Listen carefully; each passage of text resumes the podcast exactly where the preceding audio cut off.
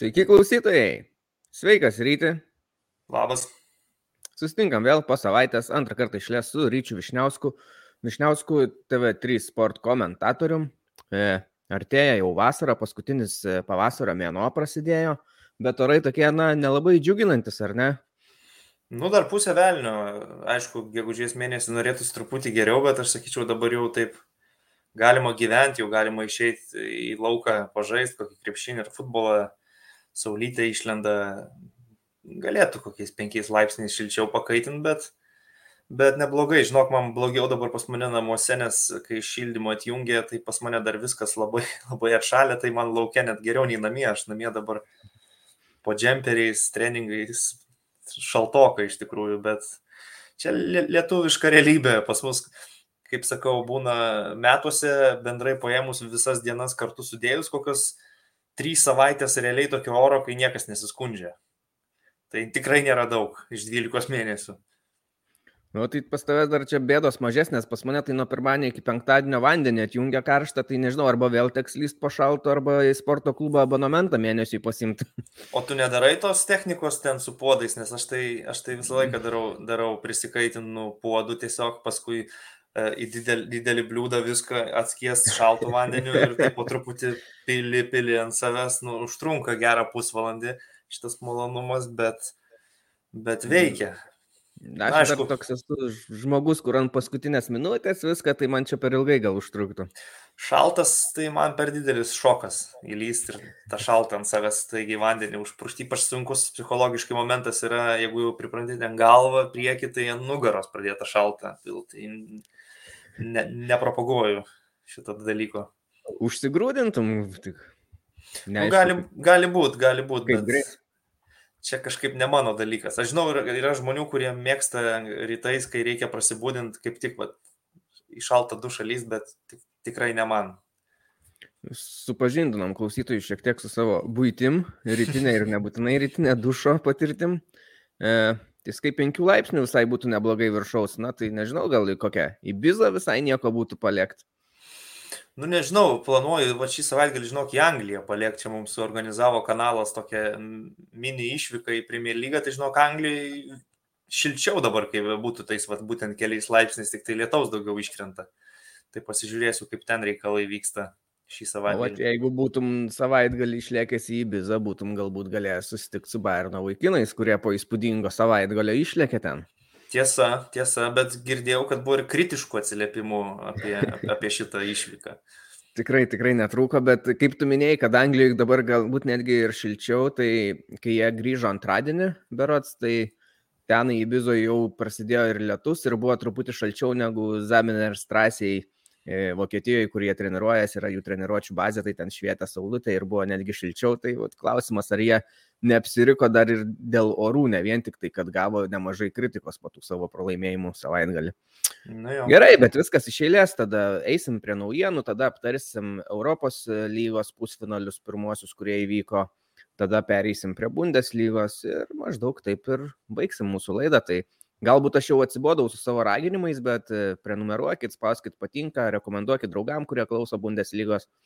Ir klauskit klausimų, nes šį kartą neuždavėt nieko, aišku, aš gal pats truputį per vėlai įkėliau tą postą, kur jūsų prašau klausimų, bet klauskit drąsiai, panagrinėsim, padiskutuosim. Naujienos. Tai turbūt didžiausia savait, savaitės naujiena buvo, kad Šlioterbekas iš Freiburgo gynėjas Buvo kalbama, kad kelsis į Dortmundą, bet, kaip sakant, oficialu nebuvo, bet dabar jau yra oficialu. Tai kaip tau ryti šitas perėjimas? Nėra netikėtas, bet, bet geras. Dortmundas, kaip sakant, anksti pradėjo stiprintis. Logiškas ir reikalingas perėjimas, žinai, geras dalykas, kad jie atkreipė dėmesį į tas pozicijas, kurias labiausiai reikia stiprinti. Tai su Ziulė ir Šloterbeku jau atrodo viskas truputį solidžiau. Aš manau, kad uh, pagal komplektaciją tikėtina Marko Rozė kitą sezoną matysim dažniau trim vidurio gynėjai žaidžiantį, nes nu, tikrai turėjo Kandži, Humelsą, Ziulę, dabar Šloterbergas prisideda.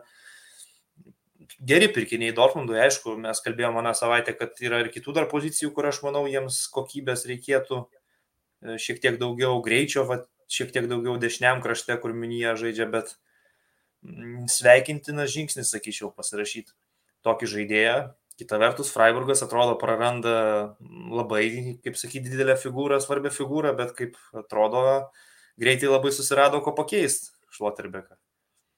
Ir buvo kalbama, kad jisai turėjo ir pelningesnių, geresnių pasiūlymų, bet pasirinko Dortmundą, tai aš galiu galvoti, gal, galbūt netgi Bayernas kažką galvojo, ar, ar koks, nežinau, Leipzigas, bet, na, pasirinko, manau, labai gerai pasirinko, jam bus viena geriausių stotelių. Gal komandiniai pasiekimai neaišku dar kokie bus, gal nebus geri, bet jam kaip žaidėjui tobulėt bus puikia vieta. E, Tai dabar turbūt Dortmundui tos pozicijos, tu minėjai, dešinį kraštą gynyboje, Munė, kad pakeis, bet e, toks dar konkretus pagrindinis būtų pirkinys Edėjami iš e, Salzburgo ir galbūt kažką dar į saugus į vidurį vietoje Vicelio. Mm, jo, aišku, reikalinga irgi užpildyti tas vietas. Vėlgi bus Holando pinigai, visi tą supranta ir, ir, ir tų pinigų turės Dortmundo vadovai, svarbiausia, kad juos protingai išleistų tiesiog, nes šitie pasirašymai, vat, kaip laisvų agentų, tai yra tikrai labai geri. Aišku, tu vis tiek Ziuliai turi duoti gerą atlyginimą, Šloterbekas irgi, manau, pasidvigubino ar pasitrigubino savo algą iš Freiburgo lyginant, bet vis tiek tu laisvi agentai, žinant tai, kad Holando pinigai įplauks, tai finansinė situacija turėtų būti pakankamai gera šią vasarą. Tiesa, ir e, kaip be būtų keista, šiaip pasirodė žinių, jo gali dar vienas žaidėjas atvykti į Dortmundą, apie kurį buvo mažai kalbama.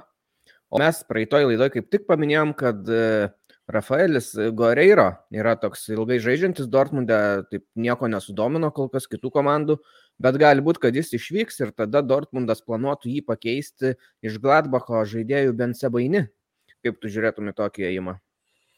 man atrodo, vėl įimas vežantis prie to, kad Rozė nori žaisti trim vidurio gynėjais, nes Betsebainy man yra toks tikrai labiau wingbackas, nei kad prie keturių gynėjų linijos būtų toks kraštinis gynėjas. Tai variantas irgi techniškas, turi gerą smūgį, kairė kojas, netgi baudinius muša Gladbacho komandai. Pažįstamas Rozė, kas be ko irgi svarbu, jis įtreniravo Benchen Gladbacho klube, tai būtų pakankamai geras pakeitimas, jeigu tikrai Rafaelis Gerėjų išvyksta Klausimas tik tai, kur jisai vyksta, kas jį perka, aš kol kas ne, negirdėjau nieko apie, apie tai. Sezonas Portugalų toks su traumomis, ne pats geriausias, sakyčiau, bet nu, vis tiek žaidėjas pakankamai aukšto lygio. Ir dar įdomus faktas apie jį, kad jis net nėra žaidęs kažkur Portugalijoje profesionaliai, o žaidė visą laiką Prancūzijoje. Tai jisai prancūzų, prancūzų kilmės netgi yra. Jo, vienas iš tėvų turbūt. Taip, kiek atsimenu, kai Euro 216 komentavau ir ten ruoždavau rungtynėm, tai jis prancūzų kilmės ir teoriškai netgi galėjo rinktis, į Prancūziją ar, ar Portugaliją norėjo atstovauti, bet aišku, tuo metu turbūt į Portugalijos rinktinę buvo geresni variantai prasimušti, taip, taip viskas susiklostė, bet, e, bet jo, jisai toks e, labiau e, link Prancūzijos pačiu Portugalijoje nežaidęs. E, Kitas ėjimas įtakotas būtent e, Šlioterbeko perėjimo yra tai iš Gladbacho irgi gynėjas, Ginteris, e, gali pereiti ir kalbama, kad tikrai pereis į Freiburgą. Yra jame žaidęs, kai buvo jaunesnis, dabar šiaip irgi nėra senas žaidėjas, toks, na, jeigu nežiūrėtumėm iš šio sezono vien tik rezultatus, tai sakytumėm, toks gan keistas galėjimas, išeinama iš stipresnės komandos į silpnesnę, na, finansiškai turbūt taip ir yra, bet e, Freiburgas turbūt tikrai jau žais Europoje kitą sezoną, tai gal ir neblogai ginteriui. Žais gal net ir čempionų lygoje pagal dabar lentelę, tai šansas labai realus. Bet mane labai nustebino šitos naujienos. Iš tikrųjų, Euro 2020 ginteris Vokietijos rinktinės pagrindo žaidėjas, kuris e, toj sistemoje Jokimo, Hansi Fliko gal reikia sakyti, ir Jokimo Liovo, dabar jau nesvarbu, nu dar čempionate buvo Liovas, e, žaisdavo su pasijungimais į priekį per dešinę, toks atrodė labai svarbus žaidėjas visai sistemai, rinktinė žaidėjas 28 metai, kokius 3 metus aš jau girdžiu, kad Ginteris gali į Dortmundą, gali į Bayerną ir štai grįžta į Freiburgą, labai netikėta. Na, bet būna tokių žmonių, kurie, nežinau, jeigu kažkur labai prisirišę emociškai, gerai jaučiasi, nori ten grįžti ir grįžta, jo labiau, kad Freiburgas tikrai dabar geroj pozicijoje ir nu, jeigu jie pasirašo tokią pamainą Šloterbekui, tai tu gali net sakyti, laimėjo netgi iš visos tos situacijos, atrodo išeina labai geras vidurio gynėjas, bet ateina potencialiai dar geresnis. Tikrai ne, nevertinčiau, Jo, nevertinčiau aš jo tiesiog pagal šį sezoną. Čia šis sezonas tai visai komandai Gladbachui yra katastrofa, bet prieš tai mes atsimenam labai gerus jo sezonus ir, sakau, žaidimas Vokietijos rinktiniai, nu, labai netikėta man asmeniškai, kad jisai būtent Freiburgė žais kitą sezoną. Galim net juokauti, kad Gladbachė turbūt šį sezoną ir dar kokią pusę praėjusio yra emociškai pavojinga žaisti, taip slegianti atmosfera, pastovus tas spaudimas, rezultatai prasti, visi turbūt nepatenkinti nuo vadovybės iki fanų. Fanai per vienas varžybas, visai nesnei prieš porą savaičių, berots netgi į Rūbinę bandė patekti, ten nepatenkinti po vieną iš pralaimėjimų. Na tai ir atrodo tokie tie žaidėjai, na dabar gerai laimėjo prieš Leipzigą, bet prieš tai tokie labai prislėgti.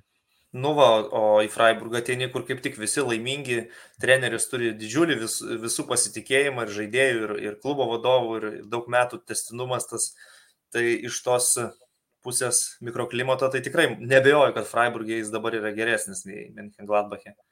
Jo, Freiburgas yra toks vienas pietesnių miestų Vokietijoje prie Prancūzijos sienos netoli ir e, sakoma, jog ten daž, daugiausiai per metus saulė šviečia, tai bus bent emociškai geriau tikrai. E, kita itin svarbi naujiena tai, kad Mülleris pratęsė savo kontraktą iki 24 metų. Tai vienas komandos lyderių, susitvarkėm reikalus, kaip sakant, Bayernas dabar ir savotišką pavyzdį rodo Lewandowski. Nu, turbūt, kad taip, bet aišku, skirtumas tarp Levos ir Müllerio yra tas, kad Mülleris yra nuo kūdikystės Bayerno žmogus, tai čia jo neįmanoma net įsivaizduoti su kito klubo marškinėliais, ten turbūt vienintelis momentas karjeroje, tai kai Kovačas treniravo, kai atrodė, kad tikrai Mülleris nelaimingas ir gali, gali kažkas įvykti, bet matom šiuo metu, kad vis dar yra nepakeičiamas žaidėjas, unikalus žaidėjas ir tas kontrakto pratesimas, manau, abiem pusėm toks, kokio jie ir norėjo ir, ir turi jisai iki karjeros pabaigos, mano manimu, žais Müncheno Bayerno klube, nes nusakau, tai yra ikona, Bayerno simbolis ir, ir neįsivaizduoju su jokia kita komanda iš tikrųjų. Jisai buvo pats užsiminęs, kad du kartus buvo realūs jo išvykimai, tai vienas kartas buvo tikrai prie Kovačio, dabar dar kitas, aš galvoju, gal prie Anšeločio, bet bijau sumeluoti, bet čia pats žaidėjas buvo davęs interviu. Vieną kartą į United turėjo vykti, kitą kartą dabar irgi nepasakysiu, kur gal netgi irgi tam pat. Mm. Bet aš, taip. Aš tiesą sakant, netgi turiu bejonių, ar, ar, ar tokį Van Müllerį kitam klube, kažkur gal kitoje lygoje, treneriai mokėtų išnaudoti, nes nu, yra žiauriai specifinis žaidėjas. Man yra vienas tokių unikaliausių žaidėjų elitinėme Europos lygyje, kur jis turi savo poziciją, savo supratimą, kaip reikia žaisti netinka jam ten jokios klasikinės 4-3-3 sistemos, kad ten jis žaistų kažkur vingerių ar, ar devintų numerių. Nu, toks žiauriai specifinis žaidėjas, kuris atrodo limpa tik tai Bayernui. Nu ir Vokietijos rinktinė, aišku, yra turėjęs tų gerų turnyrų. Čia nenuginčiama, kad e, ypač tam karjeros iškilime, jaunas, kai buvo pasaulio čempionatas, kuris berot geriausių ir jaunojo čempionato žaidėjų buvo tapęs. Uh, Tai, tai, tai taip, bet dabar aš pagalvoju, ateitų Mülleris į Manchester United. Aš galvoju, kad nu, blogai būtų ir jam, ir nežinau, tie treneriai ar sugebėtų atrasti jam vietą ten tokioje komandai, kur ir taip yra daug problemų. Neįsivaizduoju. Nu, kai Vangalas treniravo, galbūt kažką sugebėjęs, bet šiaip tai labai sunkiai. Nu, tiesiog man yra per daug specifinis žaidėjas. Sakau, jisai žiauriai geras, bet jisai turi būti tinkamoje aplinkoje, kad jisai tas geriausias savo savybės rodytų, nesgi visi, visi kai įvertina, tai mato, kad nu, nei jis labai greitas, nei jisai e, ten driblinguoja kažkaip įspūdingai, tiesiog žaidžia galvą, žaidžia skaitydamas e, varžovų gynybą, priema sprendimus, pastarosius metus ten rezultatyvių perdavimų rekordus muša. Realiai Lewandowskis turbūt galėtų atlyginimą savo truputį ir pasidalinti su Mülleriu, nes iš šitų pastarųjų dviejų metų nemaža dalis Levos įvarčių ateidavo po Müllerio perdavimų. Čia galim gal net palyginti, nežinau, ar sutiksi ar ne, toks kaip Edgaras Ulanovas krepšinėje Žalgyrėje, kur kitose komandose sunkiai gali įsivaizduoti, kad jį išnaudos tinkamai ir normaliai. Nu, tik tai, aišku, dabar Žalgyrio fanai gal supuls ir Edgaro gerbėjai, tik tai, kad Mülleris man kaip atletas sportininkas gal aukščiau. Nu, vis tiek futbolas tokia sporto nu, šaka, kurią mes kitaip vertinam pasaulinio lygio žvaigždė vis tiek yra Mülleris. Kažkada, man atrodo, Thierry Henry netgi sakęs yra, kad e, iš visų vat, žaidėjų elitiniam lygyje, kurį labiausiai jam patinka stebėti, yra Müllerį, kaip jisai žaidžia no. protingai. Tai nu, didelis komplimentas. Mhm. Bet Nebuvo, netur, neturėtų, neturėtų įsižeisti, aš manau, nei Ulanovo gerbėjai, nei, nei Žalgirio. Gerai, toliau naujienos, tai Bochumas, kadangi sužaidė pergalingai savaitgalį prieš Dortmundą, tai išsaugojo vietą lygoje, visiškai be jokių abejonių, jau šventė ten siautėjo, treneris sakė, nežinau, manau, kad vaikinai jau nusipelnė laus, leis atsigerti jiems jo. Jie tą ir padarė, tarp kitko, to jau įjungsiu ekraną. Yeah. Štai pasipošė viskais retro marškinėliais, e, skanavo alumi. E, buvo vaizdų Facebook'e jų berots, jeigu neklystu, kad e, iš Rūbinės, kaip jie ten taškės dainavo, su dainom viskas smagu. Na nu, ir pradėjo ruoštis jau kitam sezonui, tuo pačiu, kad liks aukščiausiai toj lygoje. Tai pasirašė Filipą Hoffmaną iš Kalsruhės. Iki 24 metų kontraktas, nemokamai jisai atvyks yra 1,95 cm polėjas ir įmušė jisai Kalsrukiai per 102 varžybas 51 įvartį. Na tai toks, sakykime, gali būti solidus, sakykime, papildymas, bet neaišku, nes žaidė žemesniam lygiai. Tai pamatysim. Bet, bet jau galvoja apie ateitį ir už televiziją maždaug aiškėjo, kiek gali gauti jau Bochumas už tas transliacijas sutartis tai apie 30,8 milijono turėtų gauti, bet dar viskas po to priklausyt gali, arba ir kitą sezoną ypač e, priklausys nuo to, kaip antra Bundesliga sužais ir kas pateks iš jos. Jeigu pateks Verderis ir Šalkė, tai tada Bochumo sumos aišku mažėja, nes jų ten reitingas, man rodos, susidomėjimas žiūrovų bus mažesnis ir juos mažiau rodys per televizorių. O bet jeigu patektų koks St. Paulis ir Darmštadas, tai tada Bochumas netgi gautų didesnę sumą ir ta suma, sumos skirtumai maždaug sviruoja apie 5-6 milijonai. Tai tokiam klubui visai, visai svarbu, manau. Jo, kad paminėjai antrą Bundeslygą, tai įdomus buvo mačas būtent to paties Verderio, kuris kovoja dėl išlikimo, netgi dėl, dėl patekimo, netgi dėl pirmos vietos, tai jie žaidė su Kyliu ir pirmavo 2-0 ir atrodė garantuoti taškai ir pirma vieta lenteliai, bet praleido tris įvarčius antram kelnyje ir dabar situacija tokia, kad Verderis nukrito į trečią vietą, tai žaistų tas pereinamasias rungtynės su Bundeslygos komanda ir Šalkė pirmauja, Darmštatas yra antroje vietoje, tai ten per paskutinius turus viskas išsispręs, o Bochumo pergalė prieš Dortmundą, nu, man įdomus dalykas yra tas, kad Dortmundo Borusija užima antrą vietą Bundeslygoje praleidusi 50 įvarčių. Čia yra nu, nenormalus skaičius - 50 įvarčių. Jeigu tau pasako, kad komanda lygo yra praleidus 50 įvarčių, tai tavo pirma mintis būtų, kad užima kokią geriausią atveju 10 vietą. Bet turbūt labiau ir apie 13-14, o Dortmundas yra vis tiek antroji pozicija. Dar, tai. Ir dar sezonas nesibaigė, ir dar Bundeslygoje yra mažiau komandų negu daugumoje kitų Europos lygų.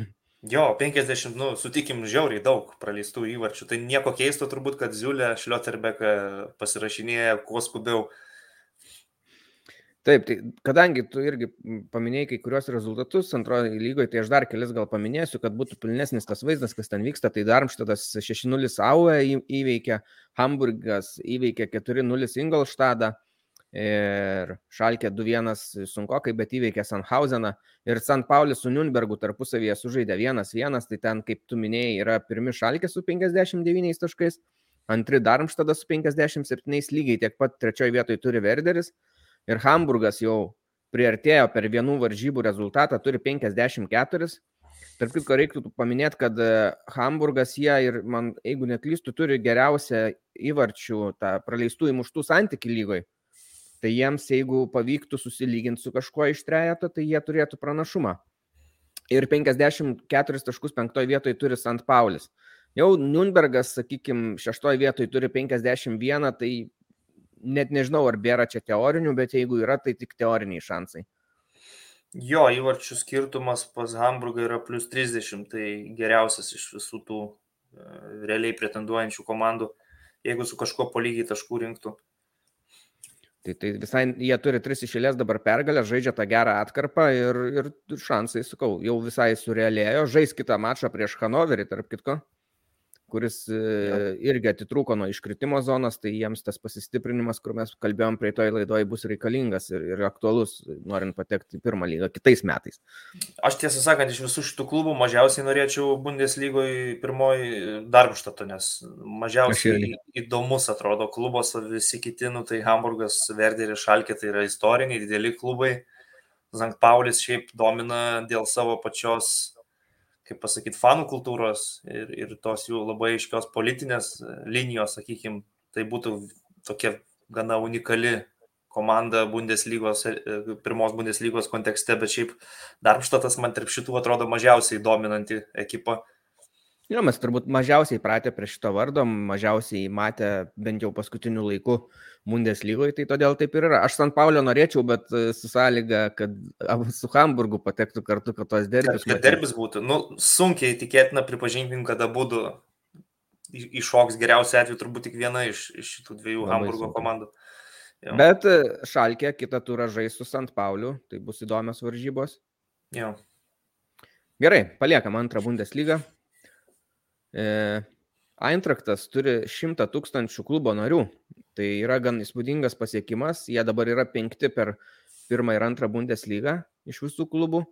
Ir jie 2000 metais, kai Fischeris, jų dabartinis prezidentas, ėmėsi pareigų klube, turėjo tuo metu tik tai 5000 klubo narių.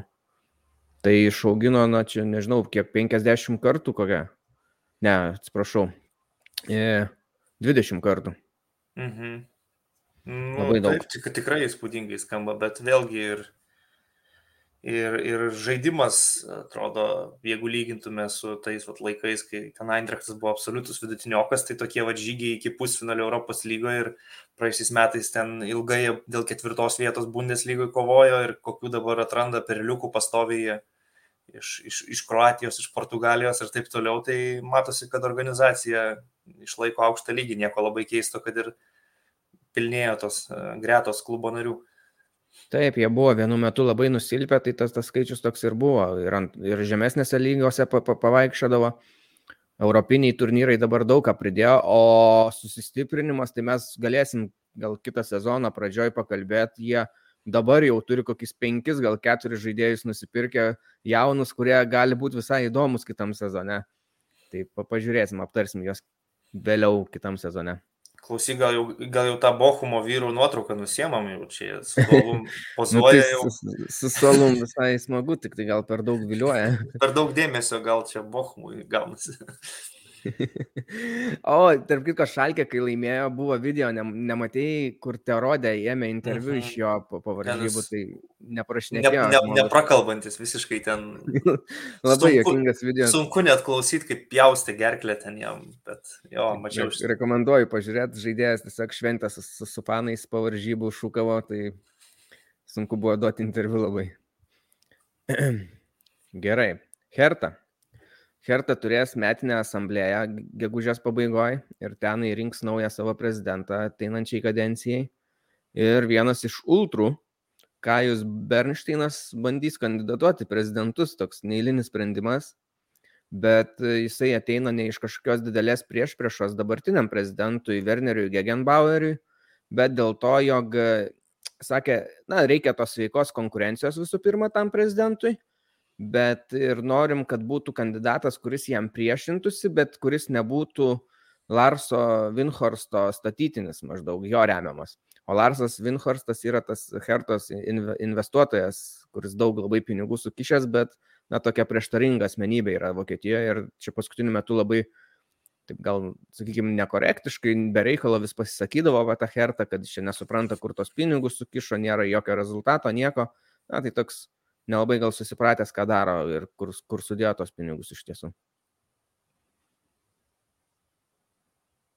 Galim toliau judėti, aš apie Hertą neturiu nieko pridėti. Gerai. E, ir dar apie Hertą, kad e, kai buvo su Unionų derbis, Tai ten, nežinau, gal skaitėjai, kad e, fanai labai pyko, ten pirotechnikos buvo mėtę bokalus ir liepė kai kuriems žaidėjams Hertos nusimautos marškinėlius ir palikti prie stadiono, kad eitų be jų į rūbinę, nes jie jų neverti. Tai gavo 13,2 tūkstančio baudos fanai už pirotechniką, daugiausiai visokius pažeidimus. Ir buvo visai įdomu, kad po to kitose varžybose, kai Herta jau nugalėjo priešininkus savo, tai tada žaidėjai jau truputį susipratę, kad, kad čia praeitą savaitgalį buvo visai nefainiai, tai jie tada jau nejo prie fanų švest, kurie jų jau laukia pašvest kartu. Na, jos taigi į Rūbinę. Tai va, e, Šalkė pasirašė kontraktą su gynėju jaunu Ibrahimu Sise iš Gento 21 metas, centro gynėjas nemokamai atvyks iki 26 metų žaisti turėtų šalkiai, bet toks gan keistas įimas, nes jisai šiame sezone agentė ten gal dvi varžybas yra sužaidęs bendrai ir, ir tai ne, ne, nepilna varžybų laiką. Tai, na nežinau, galbūt skautai kažką mato jame ateityje, bet apie jo žaidimą šį sezoną tai praktiškai nieko negalima spręsti. Nu, Šalkė taip ir nusirito iki antros bundės lygos, kai turėdavo labai daug pavardžių sudėtyje, bet labai daug tokių random žaidėjų visiškų, ten paskutinius tos jų metus aš atsimenu, tai polėjo pozicija buvo išbandyta gal ten 12 skirtingų variantų, bet ne vieno tokio, kuris stabiliai muštų įvarčius ten.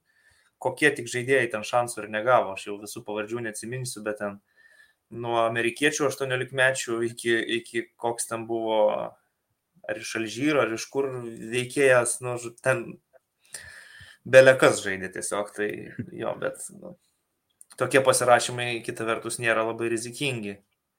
Jeigu pasiteisina, turi jauną perspektyvą žaidėją, o, jeigu ne, nu, tai už antrą komandą judės. Nu, tai tiek. Jo, tu paminėjai, kad labai daug žaidėjų žaidė, tai irgi buvo statistika pateikta, jog dabar jau Bundeslygoje pagerintas rekordas Bundes, kad kiek žaidėjų pasirodė aikštėje šį, šį sezoną, tai yra 512 berots, ankstesnis buvo apie 496, man atrodo, jeigu gerai pamenu skaičius. Ir tos komandos, kurios ten pirmauja, tai ir yra Herta, Dortmundas, Stuttgartas, na tokios, kur arba trenerius daug keitė kaip Herta, tai reiškia, ateina naujas treneris, bando kažką naujo, bando kitiem duoti šansą, gal nepatenkintas kažkuom, arba vat, kaip Stuttgartas, Dortmundas, kurie turi be galo daug traumų pastoviai, tai irgi turi traukti kokį jaunimą. Wolfsburgas, po to yra Hoffenheimas, irgi Hoffenheimas su traumom ta pati bėda. Ir Ką norėjau pasakyti, aišku, bet čia galime žvelgti tą pliusą, kad jauni žaidėjai gali gauti šansą pažaisti.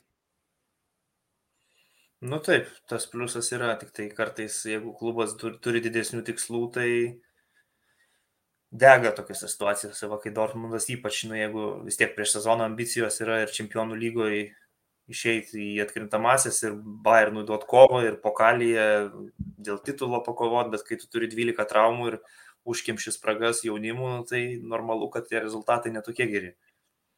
Ir dugne truputį nustebino, kad yra mažiausiai žaidėjai panaudoja, tai Gladbachas. Įdomiai, nes tikrai tų jaunų žaidėjų jie nuo pat pradžių panaudojo, tokių, kur galbūt nesitikėjom prieš sezoną, bet matyt gilio pakankamą neturi ir daugiau jau nebeištraukia. Kielnas, e, Freiburgas irgi ten yra panašiai, po 26 žaidėjus tik panaudoja, tai bet šitie klubai nestebina, nes jie taip tokių kažkaip didesnių kiekių su traumam žaidėjų neturėjo ir turi tą stabilų pagrindinį vienuoliktuką, kuris žaidžia ir, ir turbūt jų sezonas ir yra iš dalies dėl to, kad dar ir traumų neturi. Nes jeigu ten pradėtų kris žaidėjai, tada būtų jiems sunkiau pakeisti. Bet čia Freiburgui bus didžiulis iššūkis kitą sezoną, nes kai žaisi Europos lygoje arba netgi Čempionų lygoje, tai su 14 žaidėjų skuodu, kaip sakant, nu, nepatemsi. Tai transferų rinkoje vis tiek, aš manau, jiem reikės, okei, okay, pagrindo žaidėjai ten yra pakankamai solidus ir aiškus.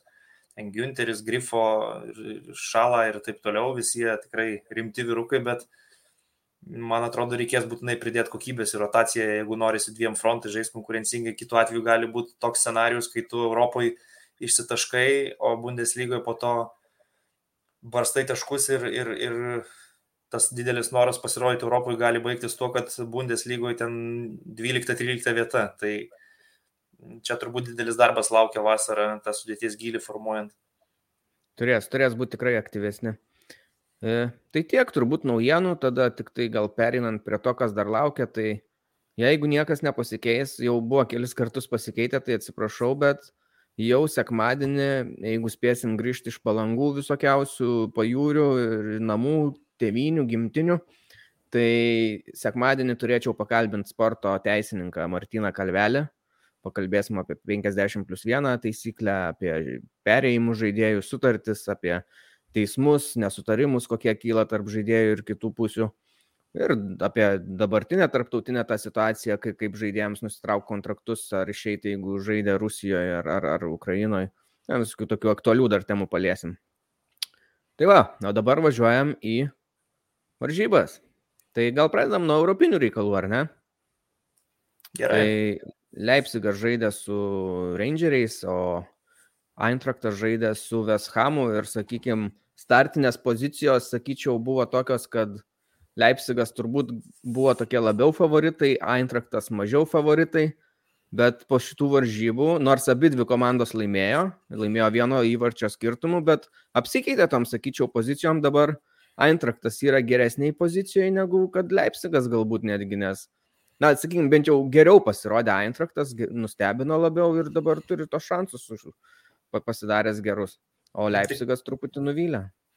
Nu, kaip jau būtų Antraktas namie žaidžia antras rungtynės, Leipzigas išvyko, tai faktas. Jo, visiškai atvirkščiai nei aš prognozavau susiklostę būdų mašai. Aš tikrai galvojau, kad Leipzigas pirmas rungtynės turi paimti bent dviem įvarčiais.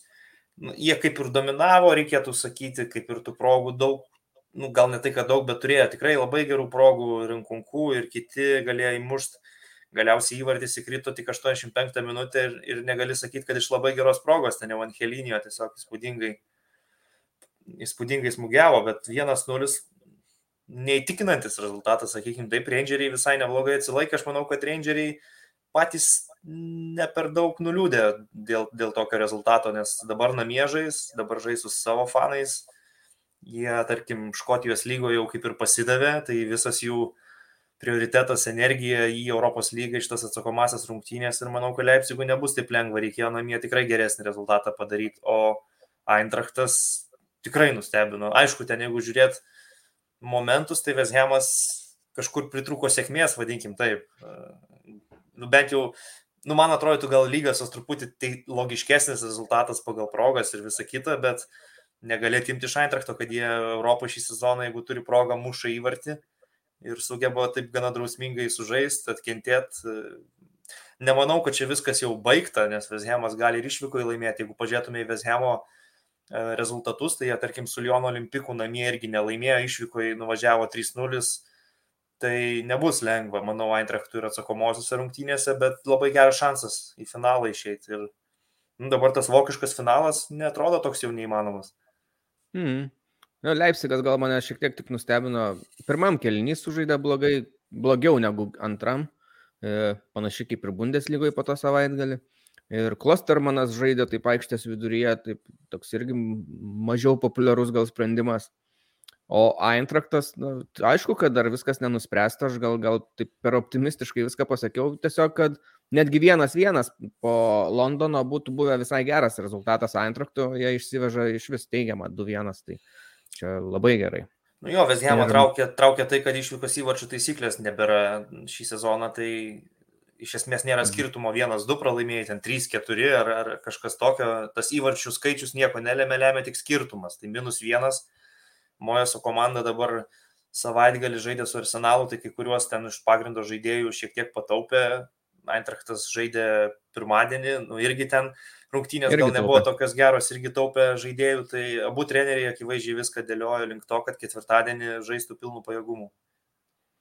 Jo, ir man kas labai patiko, Eintrachte dar e, Knaufas, nu, nuostabiai žaidžia tam dešiniam krašte, duoda, duoda tos jėgos, prasiveržimų, greičio. Man jis toks iš sudėjimo, aš netgi, taip nežinau, ar teisingai pasakysiu, bet iš to Mm, kaip pasakyti, judesio mechanikos ir tos ilgos kojos gal duoda, kad jis man panašiai kaip Holandas kartais net atrodo juda toks didelis, bet greitas kartais. Ir įmušė įvartį savo. Jo, jisai įmušė ir Kamada irgi įmušė, bet apskritai man mm, tie Eintrachto wingbackai, tas jų žaidimas, ką jie rodo, nu, aš juos netgi wingeriais vadinčiau, vis tiek Kostičius vienoje pusėje žaidžia, Knaufas kitoje tai vis tiek yra labiau vingeriai pagal savo įgūdžius ir, ir žaidimą aikštėje, nors pagal schemą teoriškai kaip wingbackai, tai Barcelona su jais visiškai nesusitvarkė. Absoliučiai. Tas jų greitis, nu, nieko negalėjo Barça padaryti tranzicijoje ten kai kuriuose situacijose. Tai matom, kad Veshemas, kur aš kalbėjau, kad vis tiek yra komanda labai tokia tvarkinga, gynybinė, labai aukštų, greitų žaidėjų, atletiškų žaidėjų daug turinti, net ir jiems buvo didelė problema Knaufas ir, ir tas pats Kostičius. Tai tikrai matosi, kad treneris Glasneris galbūt pradėjo sezoną sunkiau, su Eintrachtu užtruko, kol išsiaiškino savo komandos taip silpnybės ir stiprybės, bet dabar kaip jie žaidžia, tai atrodo tikrai solidi Europinio lygio komanda.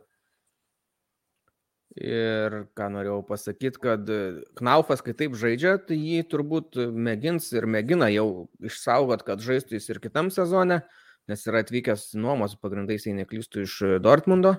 Taip. Ir praeitą sezoną toks Danis Dakosta buvo išnuomotas antroji pusė į Mainzui, jis labai tam padėjo, gerai sužaidė Mainzą ir dabar grįžo į Eintrachtą, atrodė, kad gal galės ir čia būti pagrindinis, bet Knaufas tas viltis žlugdo ir Danis Dakosta kalbama, kad prisijungs prie Mainzo jau irgi kitą sezoną.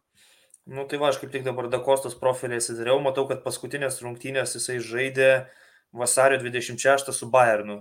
Nuo to laiko būdavo arba ant suolo, arba čia dėl traumų kažkiek nežaidė, bet tiesiog visiškai pralaimė konkurenciją. Ir turi jie ten dar ir tų kitų žaidėjų, vadinkim taip, nu, ten sudėties gylis gal nėra toks jau spūdingas, bet vis tiek ant suolo ten lieka Chandleris, Lensas, Lamersas, Haugė, normalų žaidėjai, dar vat, nežaidė indika, tarkim, dėl kortelių. Taip, taip, taip. Tai pakankamai solidi kompanija. Tik tai Lindstromas gali, kaip suprantu, praleisti ir praleisti turbūt, ar ne, ateinančias varžybas, tai čia toks nuostolis. Eintrachtui. Didelis nuostolis. Jo, trauma, jisai nežais. Aš manau, kad didelis nuostolis, nes uh, jeigu tai pažiūrėti jų uh, sistemą, kaip jie žaidžia, nu, tarkim, praeitą sezoną jie turėjo Andrė Silva, polėją, kuris buvo įvarčių mašina, dabar Borė. Tarkim, nu, jis nėra toks ekstra rezultatyvus, jis, nu, šiaip komandiniam žaidimui gal ir neprapuola, bet įvarčių daug nemuša. Ir tie du tokie dešimti numeriai, vadinkim, už jo nugaros, tai yra Kamada ir Lindstromas, labai daug nuo jų priklauso polimas. Lindstromas apskritai šį sezoną, sakyčiau, yra lyderis. Su Kostičium dvi tokios išsiskiriančios figūros ir, ir nu, praradimas labai didelis, aišku, Antrachtui, kad jisai nežais. Kita vertus, kai tu esi priekyje, galbūt gali ieškoti kažkokios labiau gynybinės taktikos, vis tiek tu pirmauji 2-1, jeigu ir praleidi vieną įvartį, tai nėra tragedija, tai yra lygų, nu, ras galbūt sprendimų treneris, bet faktas, kad didelis žaidėjas. Ir ką norėjau dar paminėti, kad jo, tu sakai, kad gal lygas būtų teisingesnis, nes Bauvinas vienas prieš vieną išėjęs neįmušė, o kiek buvo štangų skirti. Vartų konstrukcija nu, ten jo buvo. Kentėjo. Antrakto geriausi draugai buvo virpstai ir skirsiniai. Faktas. Tai tai reikia gal, gal tikėtis tada kaip vokiečio futbolo fanui, kad uh, jau Veskamui nesisekė, neišnaudojo savo progų, tai tie gal neturės daug Vokietijoje, bet, na, nežinia. Ir dar įdomus faktas, kad šiaip e, tu minėjai praeitą laidą, kad Trapas buvo tas vartininkas, kai žaidė prieš Barceloną pasižę, bet e, tuo pačiu dar galim pridėti ir tai, kad jie kartu su Veshamo vartininku Areola buvo kartu vienu metu irgi pasižą žaidė ir buvo būdų vienu metu, man rodos, net atsarginiai tokie arba keitaliojami tarpusavyje tokie, kovojo dėl tos vietos. Jo, tai Areolia iš tikrųjų ir dabar yra Vesheme atsarginis vartininkas, bet ten toks susitarimas, matyt, kad jisai žaidžia Europos lygoje, jis žaidžia visą Europos lygo, Premiership stovi Fabianskis, Lenkas e, vartininkas, bet Europos lygoje pas juos jo visą laiką Areolia, tai jie sutrapu gerai pažįsta viens kitą. Tai va, ką prognozuojam ateinančiam mačams? Leipzigas pasirodys geriau, susitvarkys, Nu, aš manau, kad bus sunku, jeigu reiktų prognozuoti, tai manau, kad lygiosiamis baigsis, tarkim, vienas vienas, kad tikrai bus nelengva kova Glasgė, bet sugebės kažkaip, tikiu, Tedesko auklėtinį tą minimalų pranašumą išsinešti, nors dabar toks įspūdis, kad pačiu netinkamiausiu metu jie krenta į kažkokią žaidybinę duobelę, nes ir Bundeslygoje prieisim paskui pirmadienį labai svarbus mačas pralaimėtas, bet nutikiu, kad išsikrapštys, o Eintrachtas su Veshemu, gal nespėsiu, kuri komanda eis į kitą etapą, nes man atrodo labai sunku prognozuoti, bet aš prognozuoju, kad bus pratesimas. Man atrodo, Vezemas pasiims pagrindinį laiką, kokį 1-0 galbūt, gal ir tas pats 2-1 ir, ir turėsim papildomą laiko, gal net ir baudinių, visko gali būti. Mhm. Ok, ok. E, tarp kitko, kadangi žais Eintraktas Vokietijoje jau savo stadione, tai E, Eintrakto vadovai taip pasi, pasistengia išpromautintas varžybas, kad atvyktų visokių žinomų žmonių, kaip Durantas Vatimonakos olimpiakos varžybas atvyko pastebėti, tai į šitas varžybas turėtų atvykti Vatskė, Seferinas turėtų atvykti, tada Flikas turėtų atvykti, Funkelis turi atvykti, yra buvęs jisai Eintrakto treneris. Hateris sakė, jog irgi atvyks, Adi. Na, dabar jau kai Gladbachas nebegrėsia iškritimas, tai gal, gal ir gali, bet įdomu, kaip ten fanai pažiūrės dar į tokį žingsnį. O štai Freddy Bobičius, buvęs tas sporto toks direktorius Eintrakto, su kuriuo buvo siejama sėkmė, kuris dabar yra Hertoj, atsisakė, nes sakė, turi svarbų, svarbų susitikimą tuo metu. Na, neaišku, kiek ten svarbus, bet matyt, truputį, kadangi Herto situacija yra daug sudėtingesnė ir jie dal, dar kovoja dėl to iškritimo, tai nenori erzinti papildomais ir galiu. Na, aš įsivaizduoju, nes šiaip tai galvoju, kad ketvirtadienį 10 ar 9 vakaro svarbus susitikimai dažniausiai nebūna planuojami. Bet... Na, gal kur nors iškridęs. Bet... Nu, gal jo vakarienė kokia su labai ten svarbių agentų, kokia žaidėjo, nežinau. Gali būti. Bet viskas aišku ten turbūt. Jo. Gerai, tai važiuojam gal į Bundesliga, ar ne? Mhm. Pradedam nuo penktadienio varžybų, tai ten žaidė Unionas savo aikštėje su Furto Graucher. Nustebino mane šiaip Furto komanda, nes e, buvo kovingi, atakavo, e, sužaidė, aišku, galutinis rezultatas 1-1. Ir dėl ko dar tai man yra stebinantis, nes jie tiesiog dėl nieko nebekovoja, ir mes žinom, kad treneris paliks komandą po sezono, na, tai galėtų ar net ir demotivuoti, kam čia taip labai besistengti, vis tiek jau čia. Ir iškrisim, ir to trenerio nebebus, bet komanda buvo labai, atrodo, motivuota, iš toli šaudė nemažai.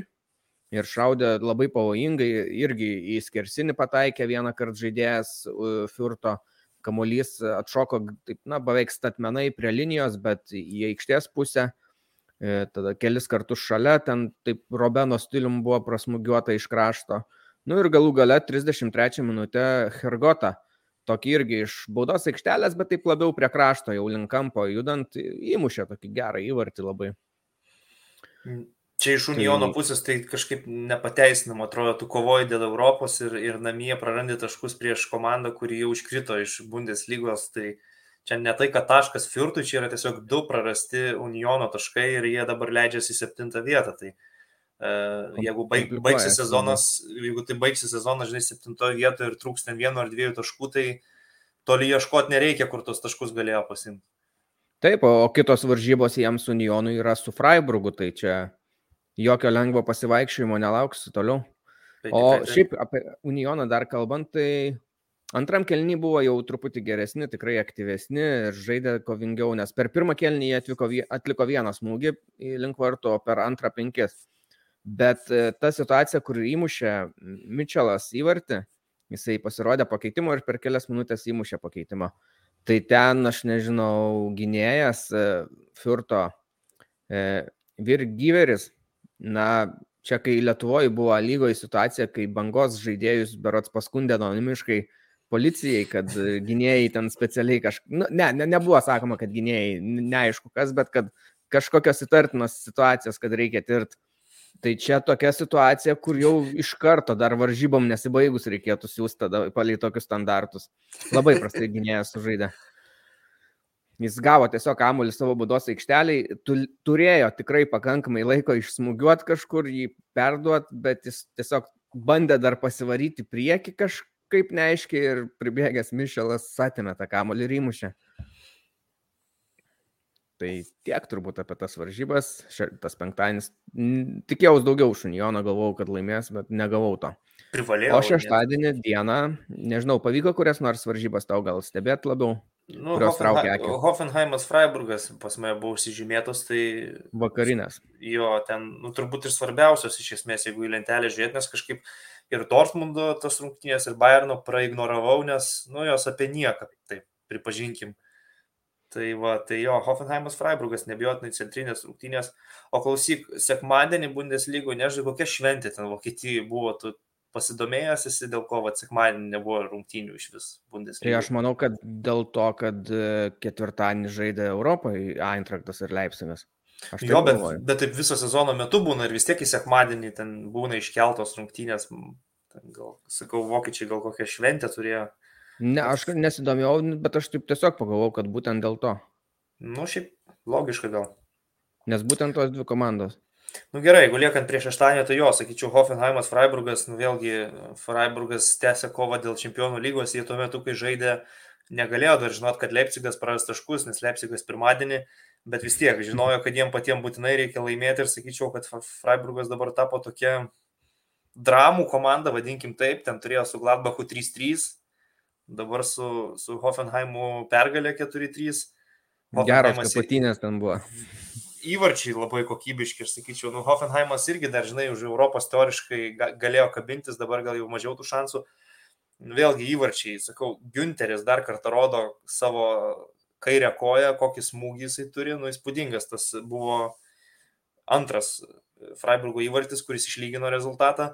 Tada mhm. vien, vienas įvartis įmuštas, nu, visiškai klasikiniu Freiburgo stiliumi, tas pats E, Günteris kelia standartą prie tolimo virpsto, Hölleris galvą muša ten iš, iš metro. Nu, visko buvo šitose rungtynėse, sakykim, taip, ir, ir kontratakų įvarčių, iš greitų atakų, ir tolimas smūgis, ir įvartis po standarto, ir toks pakankamai atviras futbolas. Kas įdomiausia, tai Freiburgo realizacija yra iš penkių smūgių vartų plotą įmušti keturi įvarčiai, paprasčiausiai. Hoffenheimas atrodo daugiau smūgiavo, daugiau kamolių kontroliavo, jei neklystu, netgi tą expected goals geresnį turėjo, bet pralaimėjo 3-4. Jo, man irgi patiko tie įvarčiai. Ir turi, man patinka, Freiburgas turi aiškius tokius lyderius. Tai yra Günteris gynyboje, toks irgi per kraštą judantis į polimą. Tada Grifo yra tikrai vienas iš komandos lyderių, standartus puikiai muša, atsistoja ir šiaip muša įvarčius.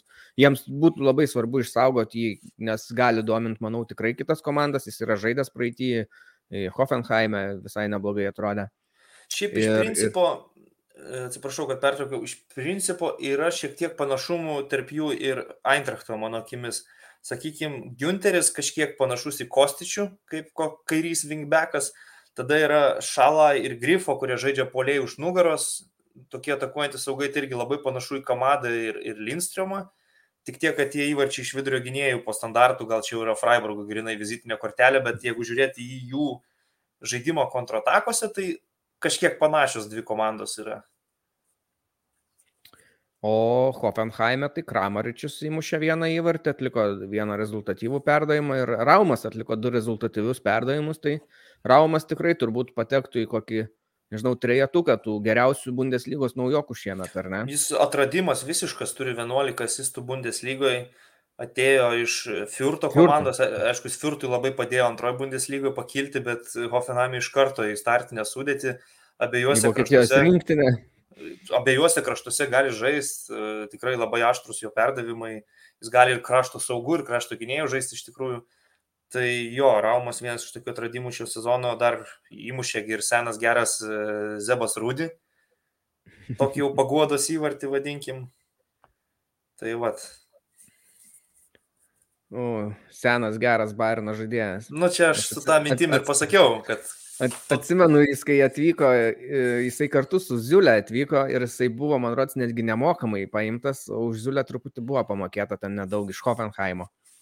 Nu, tai pas mus fanų klube Bayerno ten buvo pasipiktinimo vėliau, kai jau sezonas nenusisekė, kad čia, ką, čia tai, tie rūdžiai šu ir toliau ten pratėsi rimuojančiai. Tai, jeigu tu prisimeni, tai iš pradžių galbūt po pirmo sezono įpusėjus ir apie Gorecką buvo panašiai kalbama, kad dar vieną rūdį pasiemė, kur visiškai nepatempė, ja. bet bet Goretska kažkaip sustiprėjo fiziškai, prie fliko labai gerai pradėjo žaisti ir nu, galiausiai pasimatė tą kokybę, kad tikrai geras žaidėjas, bet iš pradžių irgi atrodė, kad va, atėjo dar vienas laisvas agentas iš Alkės šį kartą, ne iš Hoffenheimo, bet labai panašiai viskas atrodė tuo metu. Bet Varūdį taip jau gavos, kad nepatempė, o Goretska galiausiai įsibėgėjo.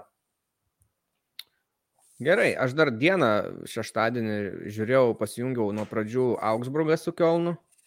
Na, tai tokios aktyvios visai varžybos buvo, man patiko, modestė ten. Iš pradžių ne, nemušė įvarčių, mušė Tilmanas su Utu, tai Utas šiaip buvo geras labai šitose varžybose. Ir po pirmo kelnio aš realiai išjungiau, nes buvo nulis jau. Ja. E, bet po to kai pamačiau, kad dar tris įvarčius praleidau antram kelnį, tai tos pakartojimus pažiūrėjau, nu, tai modestė, aišku, įmušė vieną vienuolikinį baudinį. Ir, ir, ir vėl pauto perdavimo ketvirtą dar damušė, tai modestė juda šį sezoną, jis šiaip planavo baigti gal ir karjerą po šio sezono, bet jeigu Kielnas pateks į Europą, tai gal dar ir susigundytų ten palakstyti kur nors. Nus tokios formos dar metus reikia žaisti. Ta prasme, aš sekiau rezultatą iš tų rungtynių, nes supranti, buvau modestį uždėjęs fantasy žvaigždutę, rinkausi ar levai duot, ar, ar modestį ir galvoju vis tiek Bayerno ta motivacija neaiški tokia. Davai modestį užmėsiu, žiūriu po pirmo kelnio 2-0, nei vieno įvarčio iš modestis, nei vieno rezultatyvaus perdavimo, bet antram kelnį sumušė, baigė ten gal su 29 taškais fantazija, tai vis dėlto atpirko pasitikėjimą. O antram kelnyje aš įsijungiau žiūrėti Štutgartą su Wolfsburgu. Nu, tai buvo daug nikesnis vaizdas, nes Kielno varžybose tai ten to judesio buvo, atakavo, ten kapojas, nu, įdomu buvo žiūrėti. O čia nuo antro kelnio tai taip žiau, žiau, nieko gero, atrodo, nieko beveik taip nevyksta nu, ten muša į tos vartus, bet taip kažkaip neįdomiai. Bet, nu, galų gale vis tiek pramušė Štutgartas, išlygino 89 minutę, tai bent tiek. Nu, bet kvepia jam, kad reikia žaistas pereinamasis rungtynės panašu vis labiau. Čia šį savaitgalį ir jie lygiom sužaidė, ir Arminija su Herta irgi lygiom. O žiūriu, Štutgartas dabar su Bayernu turės išvyko rungtynės ir paskui namie su Kielnu, tai aš sunkiai įsivaizduoju juos kylančius, kad aplenktų jie tą pačią hertą, nes tam, tam reikia pasimti bent keturis taškus ir dar, kad uh, nieko nepaimtų hertą. Tai pereinamosios tai rungtynės. Reikia lygiom, lygiom ir pergalės ir dabar aš nu, galvoju. Čia mažų mažiausiai, o dar žinai, ta pati Arminija už nugaros du taškai, Arminija žais su Bochumu dabar va. Bochumas po to Lučio gali būti biški, biški atsipalaidavę ir su Leipzigu dar žais. Tai, nu, ir Barnas gal truputį bus e, po tos kritikos visos susiemęs ir... Tai, tai nam, namų žiūrėti. paskutinės rungtynės, aš manau, kad vis tiek žaidėjai turi didelę savigarbą prieš fanus ir, ir, ir paskutinėse namų rungtynėse privalo garbingai sužaisti. E, man iš Bayerno pusės galim truputį gal paminėti jų mačą su Mainzu.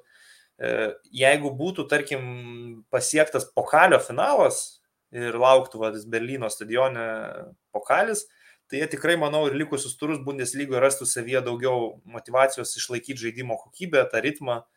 Dabar, kai nėra jokio taurės finalo, jie, nu, turbūt mintise dauguma jau atostogauja. Nu, tai va taip gaunas, kad vaikščiodami po aikštę prasileidžia vienas trys.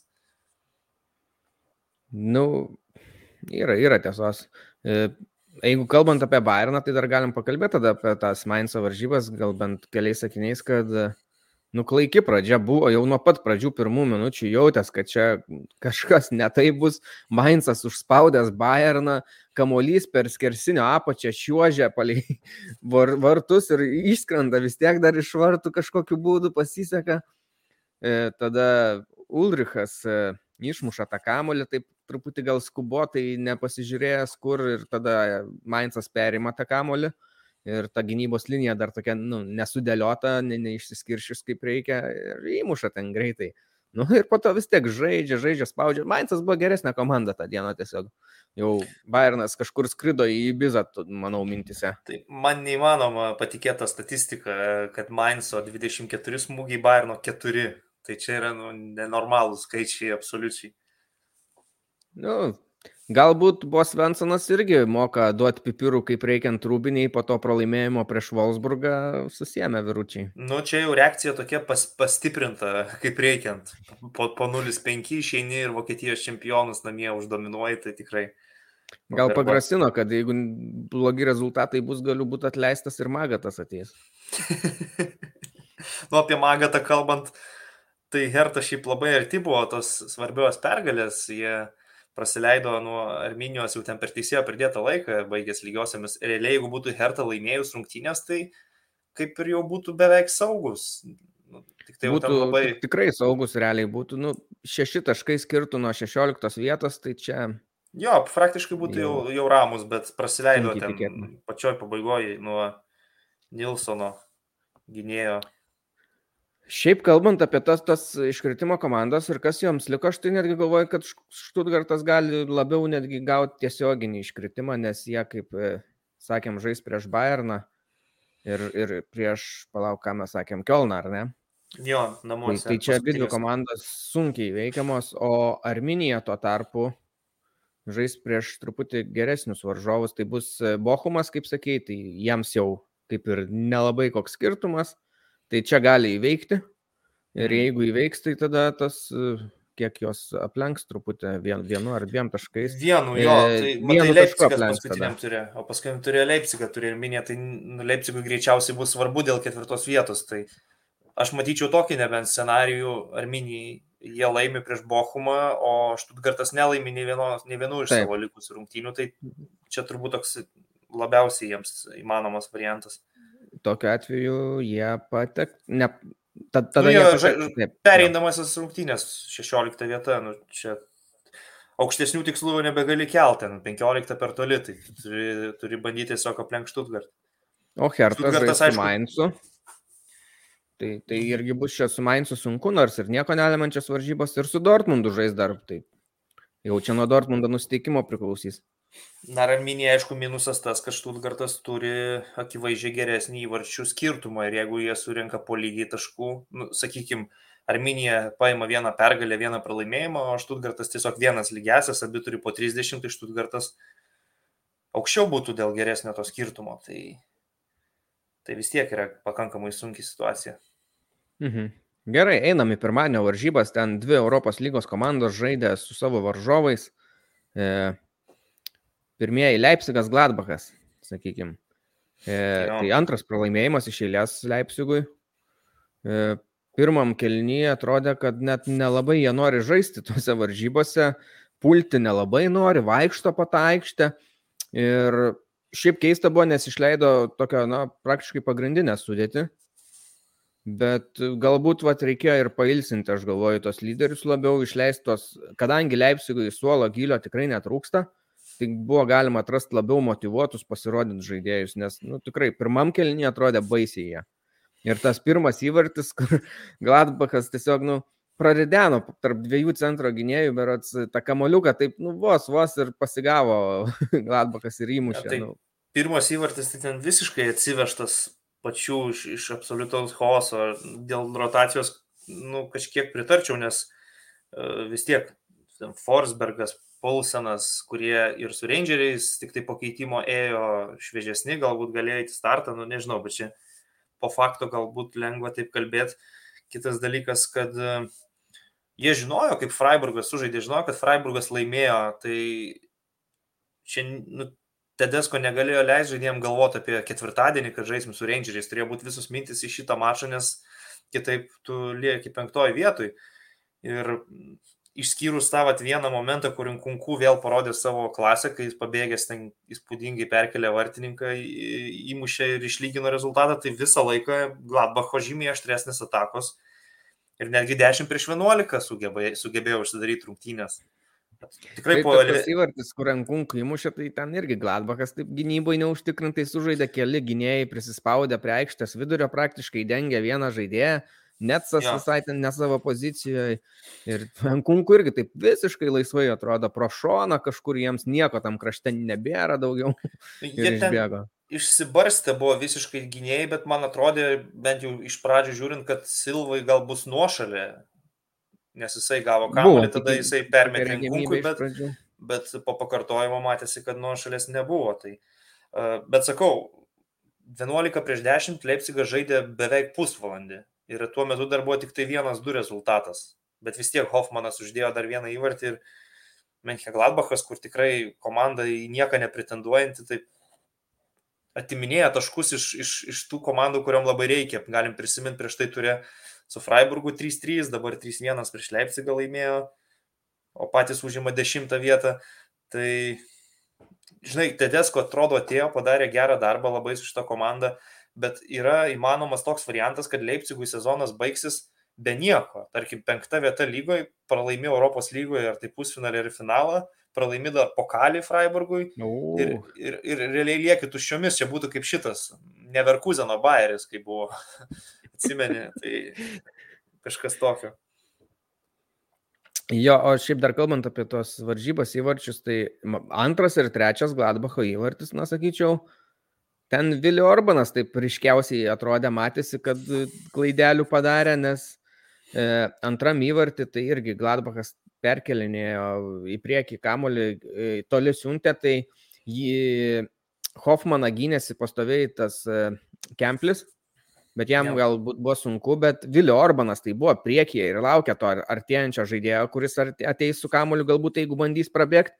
Ir aš nežinau, ar jisai dirbtinę nuošalę bandė sugalvojo daryti ar ką, nes jis taip į priekį pasistumėjo, tada prabėgo tam pro šoną e, Hoffmanas ir nu, tada jau Vilio Orbanui niekaip nebebuvo šansų ten bėgti iš paskos.